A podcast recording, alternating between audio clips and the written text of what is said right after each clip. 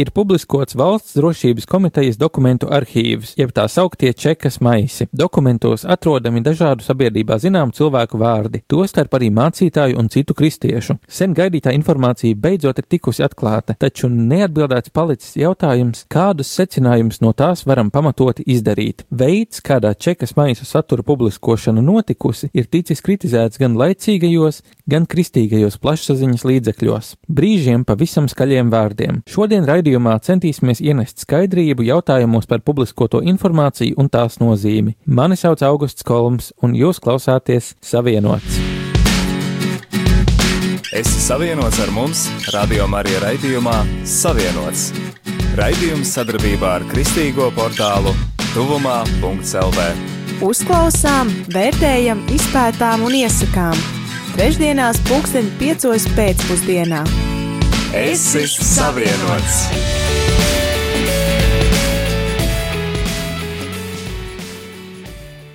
Mūsu reportieri aptaujāja garām gājējus, uzdodot jautājumu, vai arī viņi ir ieskatījušies čekas maisos un kāpēc tas būtu vai nebūtu jādara. Jūs jau esat ielūkojusies čekas arhīvos? Nē, neesmu. Vai jūs plānojat to darīt? Nē, Vai to vispār vajag darīt? tas ir ļoti Un individuāli. kam to vajag darīt? Kurš vēlās tas, lai to dara, par cik viņi ir publiskoti, tā ir katra privāta darīšana.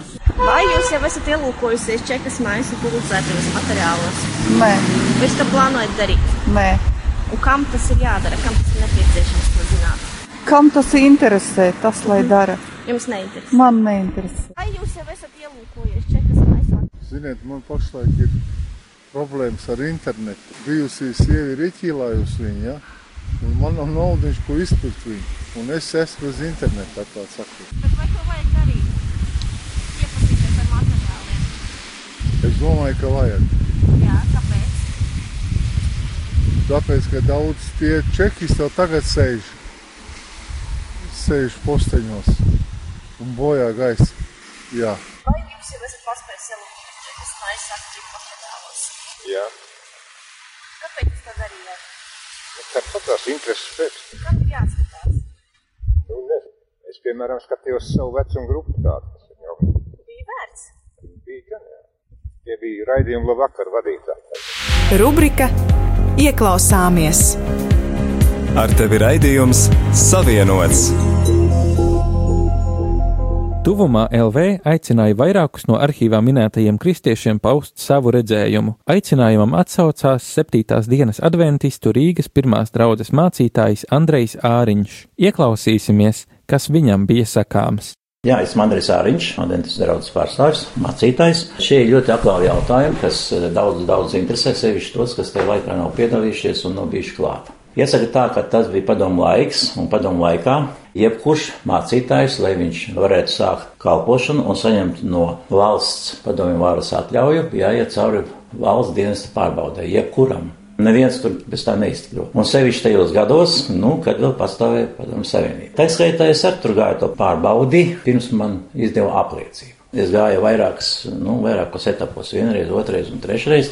Un pirmais jau bija tāds izbrīns no viņa puses, kad viņi jautāja, ko tad jūs gribējat darīt? Jo man piedāvāja darbu alūksnē, nu, nelielā draudzītē, un jautāja, ko tad jūs gribējat tur darīt? Vai jaunieši aģitēt, vai toreiz man bija tikai 33 gadi. Un uh, es tā padomāju un sapratu, ka jebkurā atbilde viņa nav derīga. Un es viņam teicu, ka šajā gadījumā mūsu draudzē jaunieši nav vajadzīgi, kuri ienāk aģitācijas rezultātā, kuri nenāk savas ticības dēļ.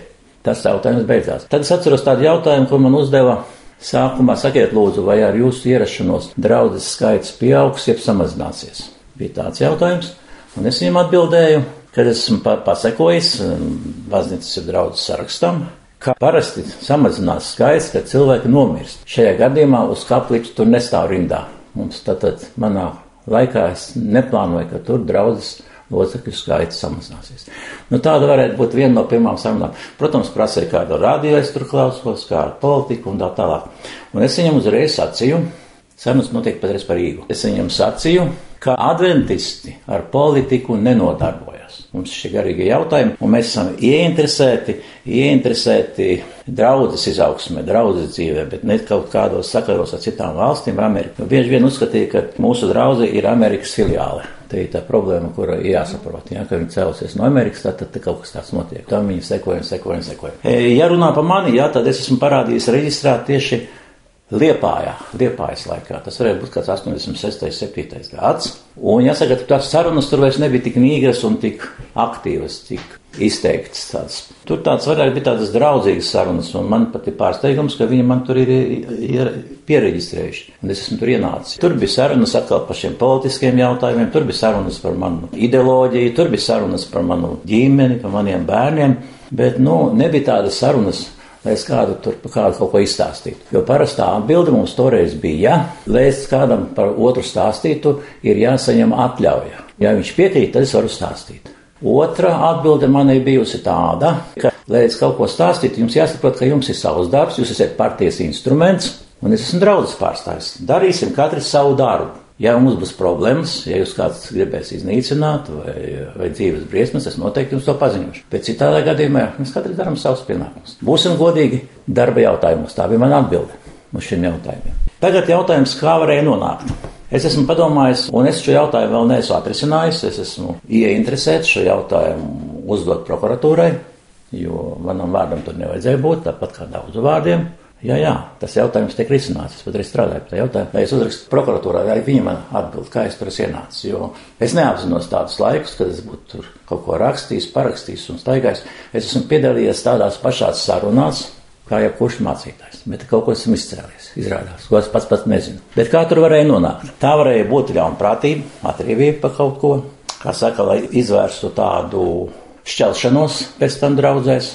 Tas bija viens variants. Otrs variants, ka kāds tika piespiests vai pierunāts uz kaut kādiem labumiem. Un trešais variants pavisam vienkārši. Ja tu esi apzinīgs, godīgs cilvēks un dari savus pienākumus, uzticams cilvēks, vienkārši viņi tev atzīmē, ka tu vari kļūt par tādu, varētu teikt, kontaktpersonu, draudzes pārstāvi, ar kuru var kontaktēties. Es tādus trīs variantus saskatu. Interesanti, kurā variantā es esmu iekļuvis. Man liekas, ka šie, šie materiāli, kur ir publicēti, viņi nav īsti adekvāti. Nē, nē, nu, es esmu ar šo jautājumu risinājis, un, un mums ir bijušas arī intervijas, mums arī nu pat bija intervijas par to. Zinoši cilvēki, es teikšu tā, ka es zinu cilvēkus, kuriem vajadzēja būt šajā sarakstā. Mm. Bet viņi nav, un tiem, kuriem nevajadzēja būt, tie ir. Ar to es gribēju teikt, ka es pievienojos tai apziņai, kuru ir izteikuši tie viņu vadītāji, kuri vairs nav, kuri novākti pēc tam brīnumainā kārtā, ka tie īstie jau ir aizvesti uz Maskavu, tie īstie. Un ka šeit ir atstāti tādi, nu, tādi neitrālie pieregistrēti, atlasīti tādi, nu, piemēram, kā tā kā, tā kā es, kurš pats brīnās par to, ko viņš tur darīs un kāpēc viņš tur ir. Tā kā, ja tagad mēs runājam par draudzi, ja, un par draudz locekļiem, tad jāsaka tā, ka to mēs arī šeit esam, es esmu to praktiski pārstāstījis savā draudzē, visi zina, kas notiek, ne tikai tur, nu, kas nelasa. Lai draudze saprot, ka toreiz arī tika darīts viss, lai draudzes vadītājus sarīdītu pret draudzi. Ja mēs sakam tā, toreiz bija tikai tā, lai, lai atbalstītu draudzi, jaunē, bija dažādi, jaunē, jaunē. Bet pamatnostāja bija tāda, ka tās baznīcas, ka tās visas ir sektas un viņas ir jāiznīcina. Viņas traucē politiskai attīstībai. Man ir tāds piemērs, piemēram, es izaugu daudz bērnu ģimenē. Mani vecāki jau no valdības tika represēti, mans tēvs jau tika aizsūtīts, lai nonāvētu, viņš brīnumā kārtā izdzīvoja. Pēc tam skolā mani mana māsa, jaunākā māsa pēc manis, jā, mēs bijām deviņi bērni, un vecākais brālis tika nolinčots Tāpēc, ka viņi bija kristieši un ka viņi sestdien, sestdienās negāja skolā, mums sestdienās bija, jā, un par to viņus tur nu, veselībā atņēma viņiem, viņi nomira.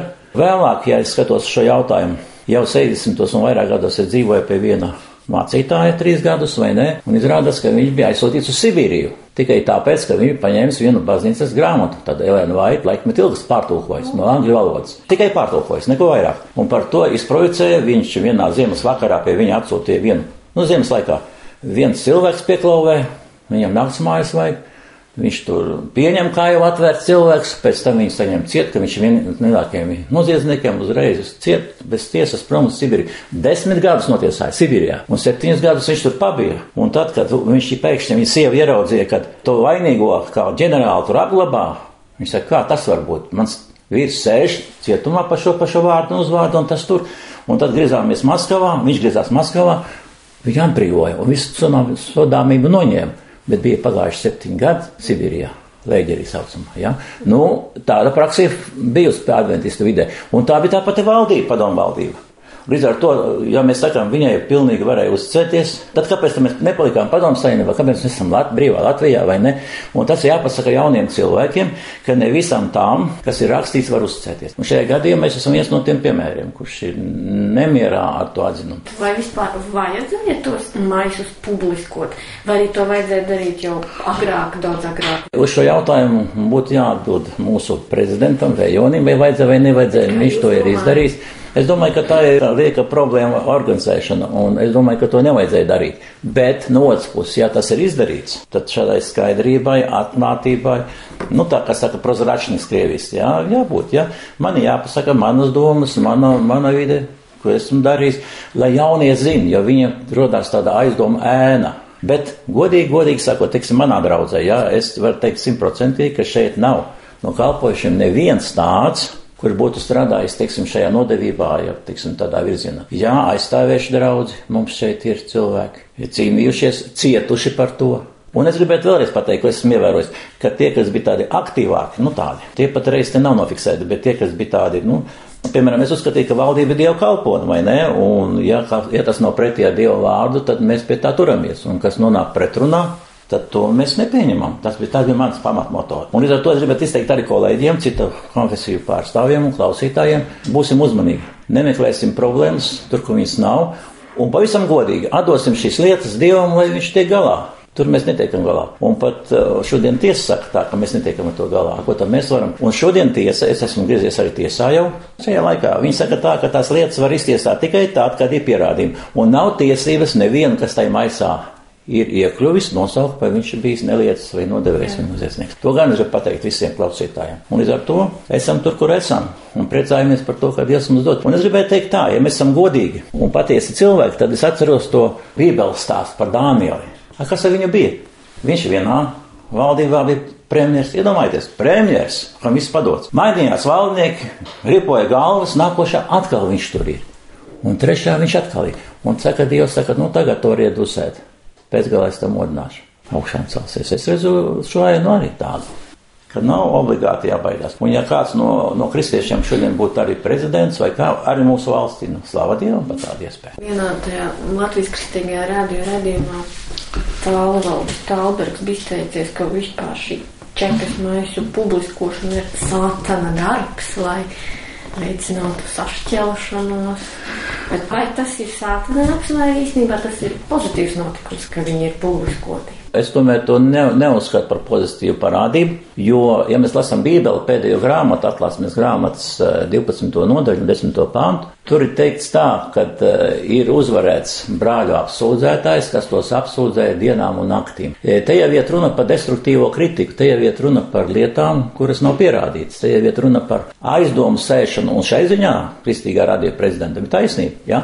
E, sēt aizdomas par tiem, varbūt, kuri bijuši, mm, teiksim, priekšzīmīgi, kuri stāvējuši par, par savu draugu, par savu baznīcu, kur ir stāvējuši par dievlietu, ja? un lai viņiem atrieptos, lai viņus tur tā kā saka, sašķelt, nu šai ziņā tas ir tieši sātana darbs.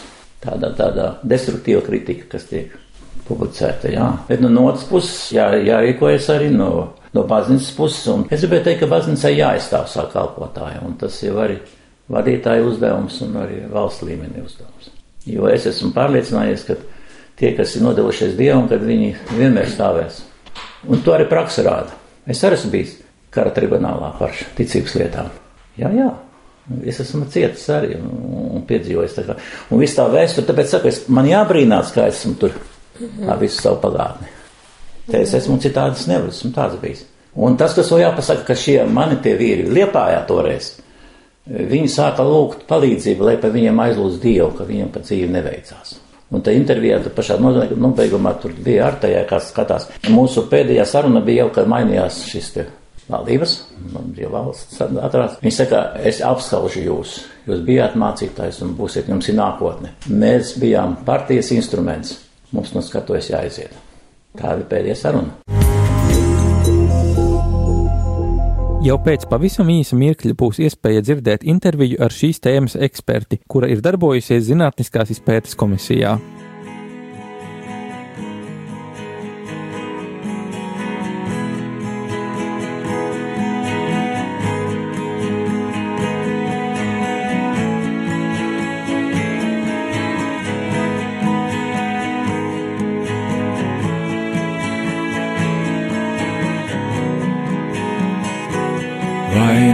Ozona mīts, vaina nav persijas līdzīs.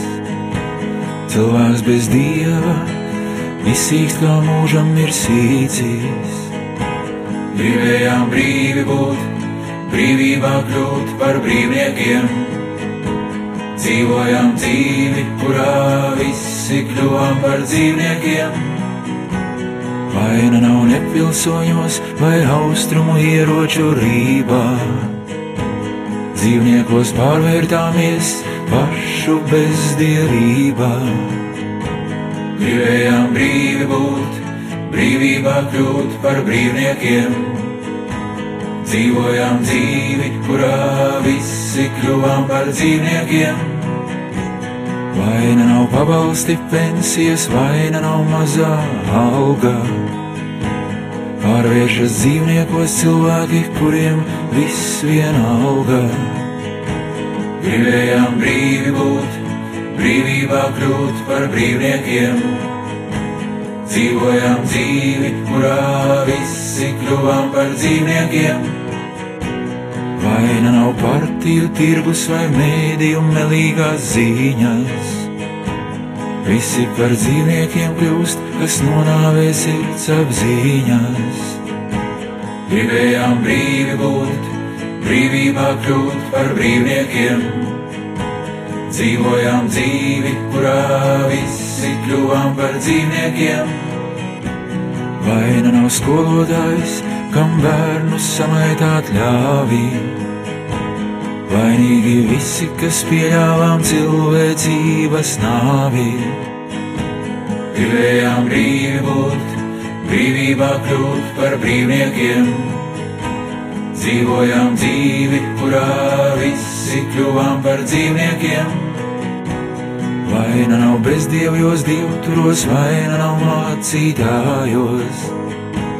Cilvēks ir zvērs, ja pieļauj, ka zvēris aplosa vājos. Gribējām brīvi būt, brīvībā kļūt par brīvniekiem. Dzīvojām dzīvi, kurā visi kļuvām par dzīvniekiem. Dzīvnieku mātes ieņem tos bērnus nosargāt zīnā.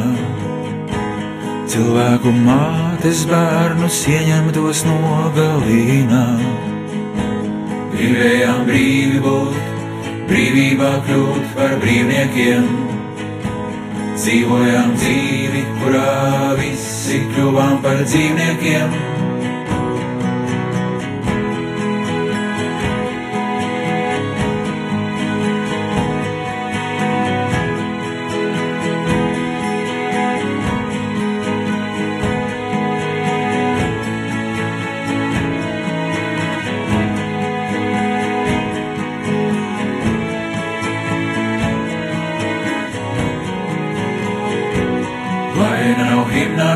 Veca, vaina nav valstī, kas jaunā. Cilvēki dzīvnieki kļūst no dieva, kad vairs nav kaunā. Gribējām brīvi būt, brīvībā kļūt par brīvniekiem. Dzīvojām dzīvi, kurā visi kļuvām par dzīvniekiem. Gribējām brīvi būt,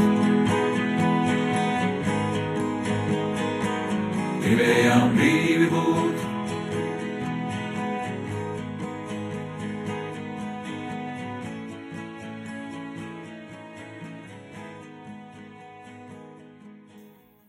Rubrika Izpētām Ar tevi raidījums Savienots.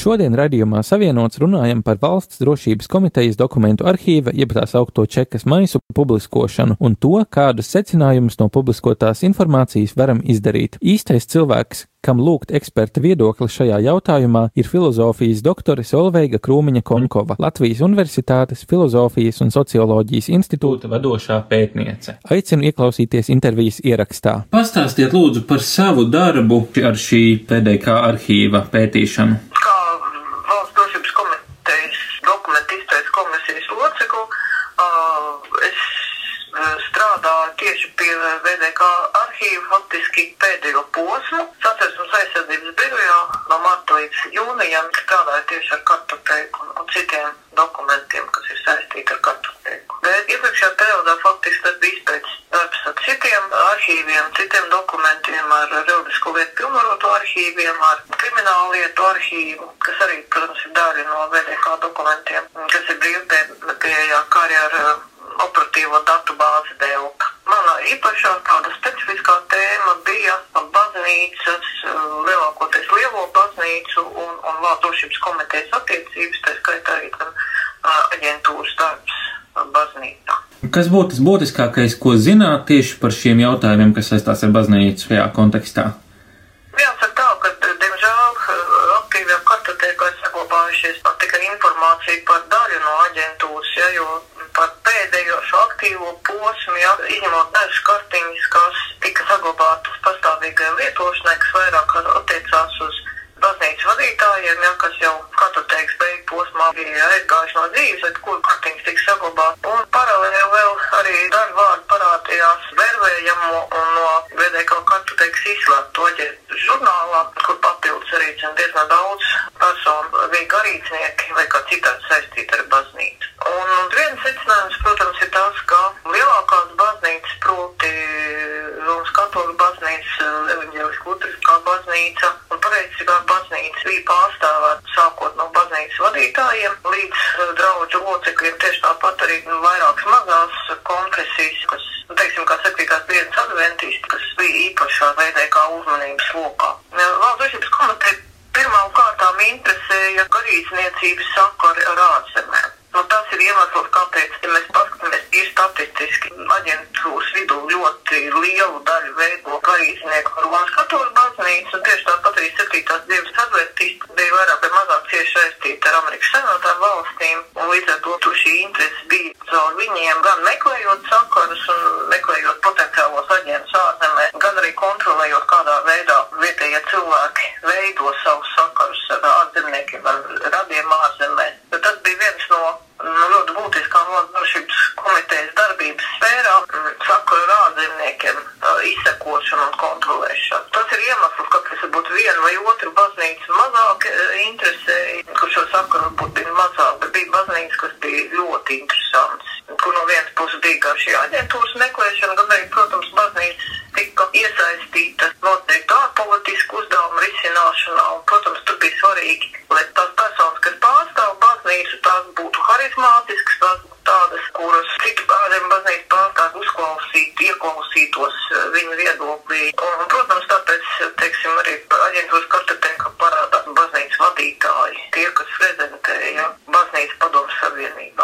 Un no tā, teiksim, ka ir kādu cilvēku vārdi atrodami šajos dokumentos, kādus secinājumus no tā var droši izdarīt un varbūt ar kādiem minējumiem būtu jāuzmanās?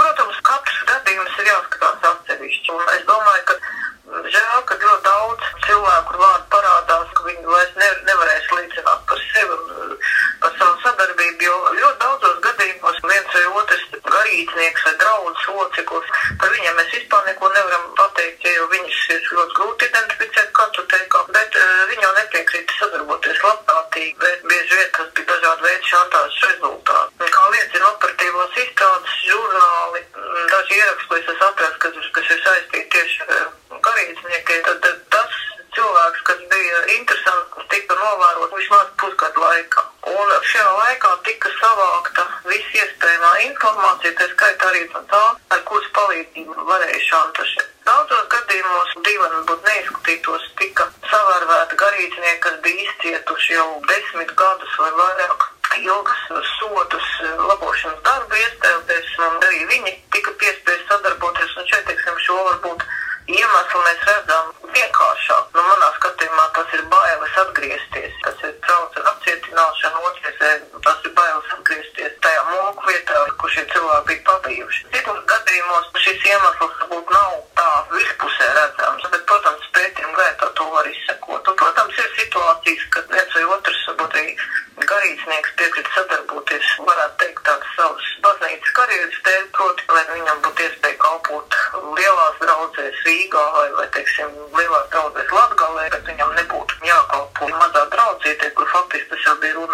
Viņu eksistenciālo situāciju, par viņu izdzīvošanu, ņemot vērā, ka algas nemaksā nekādas citas priekšrocības, kas bija citiem padomu savienības pilsoņiem, garīdzniekiem jau nebija. Bet, nu, šādu gadījumu, manuprāt, nav tik daudz. Drīzāk ir jāmeklē kāds cits iemesls, kāpēc viens vai otrs garīdznieks piekrīt sadarboties. Kad tiek lietots šis vārds sadarboties, ko tas tīri praktiski nozīmē?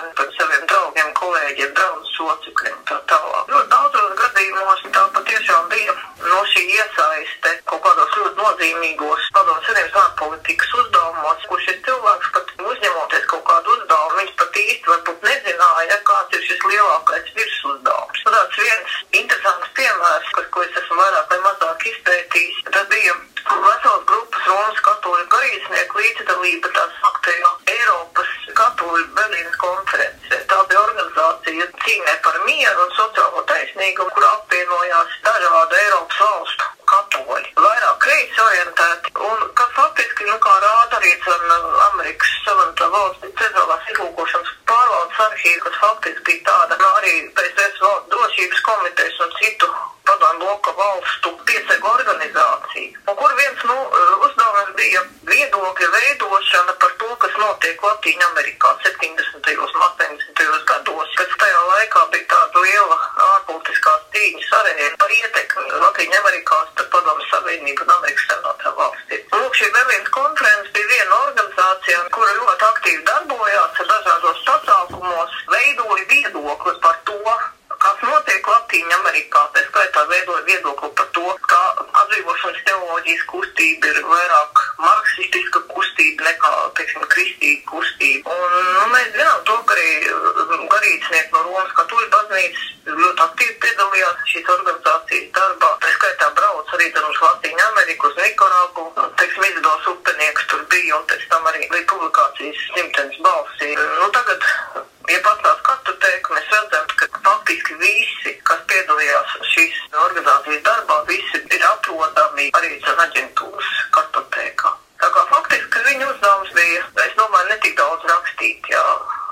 ziņojumus vienam par otru, bet veidot viedokli. Un tā skaitā arī, tam, protams, droši vien, kā, kā parāda arī daži ziņojumi, kas ir atrodami pilnvarot arhīvā, aprakstīt tos cilvēkus, kuri piedalās no rietumu valstīm šīs organizācijas darbā. Acīm redzot, vai tā labvēlīgā situācijā varētu arī viņus izmantot kaut kādā, teiksim, vervēšanā vai kā citādi. Nu, tā ir tāda, teiksim, viena versija par to. Protams, tur ir vajadzīgs ļoti liels izpētes darbs, lai katrs apgalvojums tiktu ar iespējami daudz avotiem būtu jau pierādīts. Lielā mērā vismaz šo gadījumu, šo garīdznieku darbību mēs varam izsekot un varam jau arī komentēt, kāpēc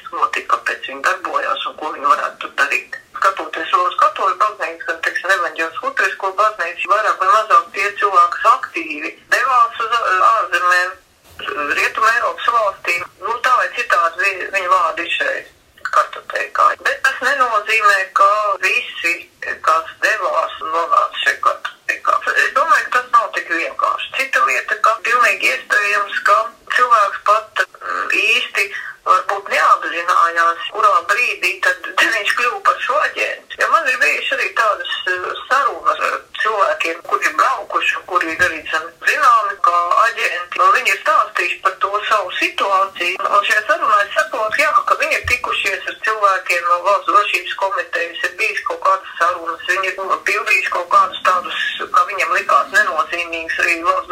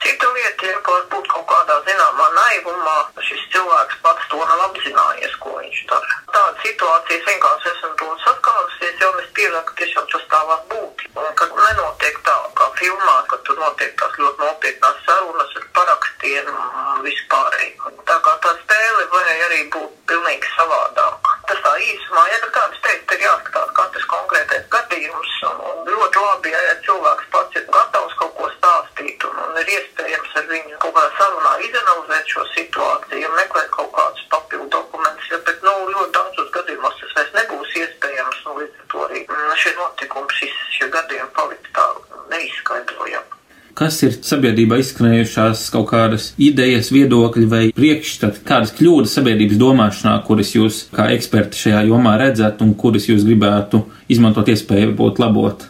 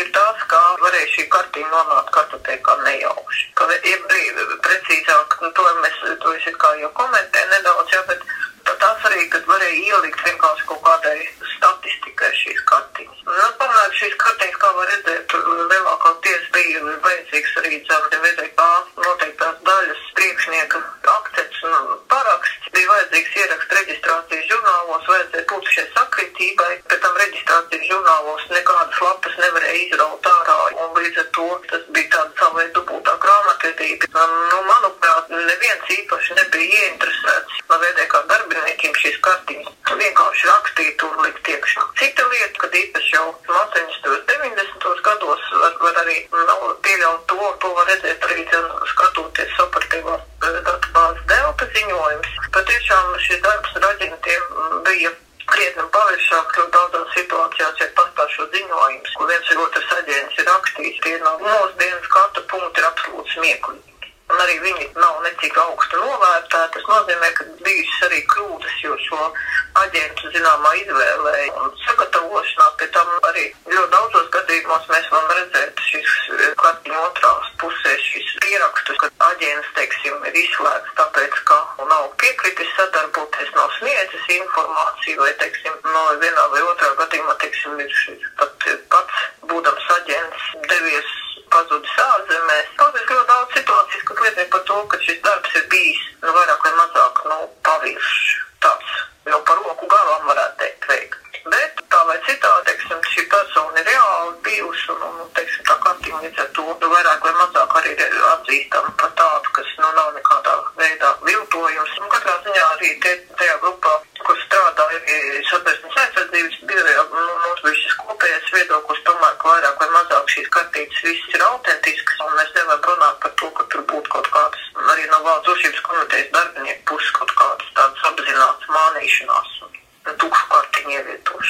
Varbūt jums ir kāda publikācija vai kas cits, uz ko jūs vēlētos virzīt klausītājs, kam interesē vairāk kaut ko uzzināt. Par Vācu uzsvars komitejas darbību arī mūsu komisija ir publicējusi tāds divus ļoti apjomīgus sējumus dažādu autoru pētījumiem, un tajā, protams, var atrast arī informāciju, kas izskaidro daudz no tiem jautājumiem, kas cilvēkiem šodien varbūt ir neskaidri un neizprotama.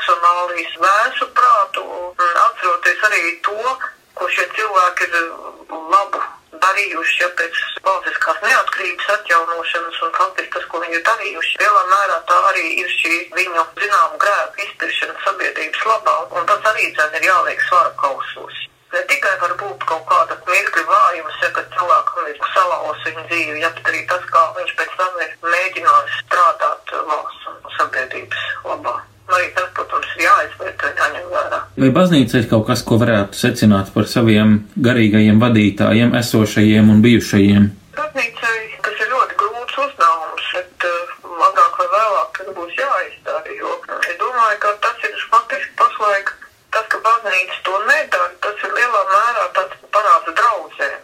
Jo droši vien draudzēm ir ļoti daudz jautājumu par to, kas tad īsti ir noticis. Un to, to vajag izskaidrot. Nevar būt tā, ka, teiksim, cilvēki izlasa baznīcas vadītāju vārdus, bet paši šie vadītāji, ja viņi ir, ja viņi ir dzīvi, vai, teiksim, baznīcas vadība, kas ir pārņēmus baznīcas no šiem baznīcas vadītājiem, ka nav nekādu viedokļu par to. Atkal ir jāizvērtē, un tiešām tā arī jāatcerās tas, ka varbūt, ka tas, ka šie arī baznīcas vadītāji piekrīt sadarboties. Varbūt, ka tas arī bija daļa no iespējas glābt baznīcas padomu situācijā. Tas ir par ļoti iespējams, un ir žēl, ka nevar pašie vadītāji, kas aizgājuši mūžībai, atbildēt uz šo jautājumu. Bet pilnīgi iespējams, ka viņiem šis sadarbība lielā mērā bija vienīgais veids, kā viņi ir saredzējuši, kā viņi var paglābt baznīcu no pilnīgas iznīcināšanas. Tā arī jāņem vērā, jo to rāda līdzīga pieredze un līdzīgi arī pētījumi gan Lietuvā, gan Krievijā, kur ir bijušas līdzīgas situācijas. Un kur tomēr šajās diskusijās ir atrast arī savu veidu pierādījumu tam, kā tas bija savu veidu tāds drīzāk ne īsti pareizs, ja, bet diplomātisks solis no baznīcas vadītāja puses. Ja mēs atceramies Latvijas pieredzi pēc otrā pasaules kara beigām, mēs redzējām līdzīgu situāciju, kādā nonāca Romas katoļu baznīcas vadītājs Springovičs un Evanģēlis Lutriskās baznīcas vadītājs Irbe, kur, teiksim, bija šie divi scenāriji. Springovičs nolēma veidot kompromisu un, zināmā mērā, sadarboties ar padomu varu. Irbe atteicās un, jā, saglabāja savu stāju un savu, savu nelopāmu gribu, vēlāk pavadīja ilgus gadus labošanas darbu nometnē, un nākamā baznīcas vadība jau vienalga tika izvēlēta tāda, kas ir gatavs kompromisiem un sadarbību ar padomu varu, bet vēl nežēlīgākā veidā, kā tas, teiksim, parādījās Romas katoļu baznīca. Tā kā te ir ļoti daudzas nianses un toņi un pustoņi, kas visi ir jāņem vērā, kad mēs tā vērtējam viens vai otras personas darbību tajā laika posmā, kad viņi bija baznīcas vadībā. Bet tas ir arī tas, kas jāizdara. To es esmu jau teikusi. Nepietiek, ka to dara vēsturnieki un meklē pierādījumus un stāstu šo stāstu. Ir ļoti svarīgi, lai par to runātu tieši pati baznīca, paši baznīcas vadītāji, draudzes. Tā ir daļa no tā, kas ir baznīcas pienākums pret savu draugu. Paldies par jūsu laiku! Jā, paldies! Jā. Jūs klausījāties interviju ar filozofijas doktoru Solveigu Krūmiņu Koņkovu. Aicinām arī klausītājus dalīties savās pārdomās. Rakstiet tuvumā LV redakcijai uz e-pasta adresi redakcija at tuvumā LV. Mūs var atrast arī sociālajos tīklos - Facebook kā tuvumā LV un Twitter kā at tuvumā. Mums ļoti interesē, kas jums ir sakāms par šodienas raidījuma tēmu. Uz tikšanos! Tu klausījies raidījumu Savienots. Būsim atkal ēterā trešdien pulksten piecos pēcpusdienā. Klausies mūsu radio Marija un lasi kristīgo portālu tuvumā.lv. Es esmu savienots!